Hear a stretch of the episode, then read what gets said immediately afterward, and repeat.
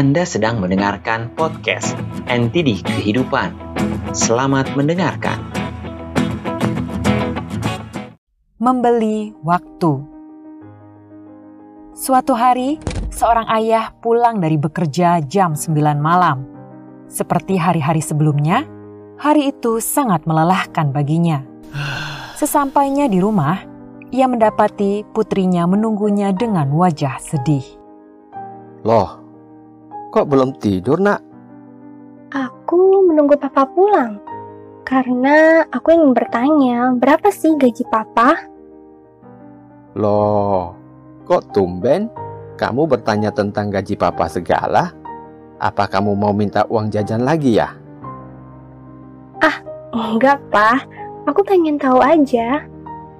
Baiklah nak, kamu boleh hitung sendiri.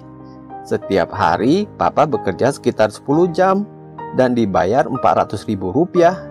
Setiap bulan rata-rata dihitung 25 hari kerja. Jadi, berapa nak total gaji papa satu bulan? Kalau satu hari papa dibayar 400 ribu rupiah untuk 10 jam. Berarti satu jamnya papa digaji 40 ribu rupiah dong. Kamu pinter. Sekarang tidur ya, sudah malam.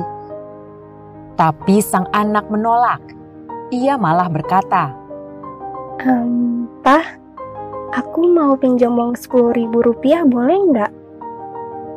Si ayah mengerutkan kening mendengar permintaan aneh putrinya itu.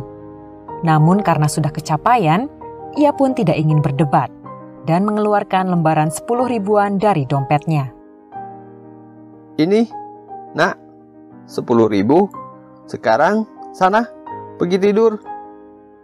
Putrinya menyambut uang itu dengan senang, lalu berlari ke kamar tidurnya. Namun hanya semenit kemudian, ia berlari keluar lagi dan menyerahkan uang 40 ribu rupiah ke tangan ayahnya. Ini Pak, 40 ribu ya. Aku beli waktu papa besok satu jam. Soalnya aku mau main sama papa. Aku tunggu loh Pak, jam 8. Ayahnya kaget bukan main mendengar hal ini.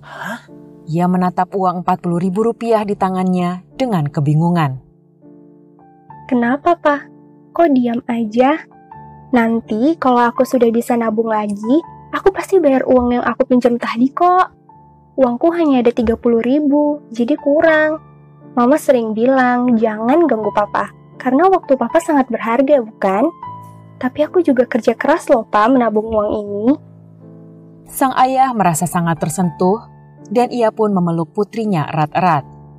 Ia tak sanggup berkata-kata dan hanya bisa mengembalikan uang di tangannya ke tangan putrinya.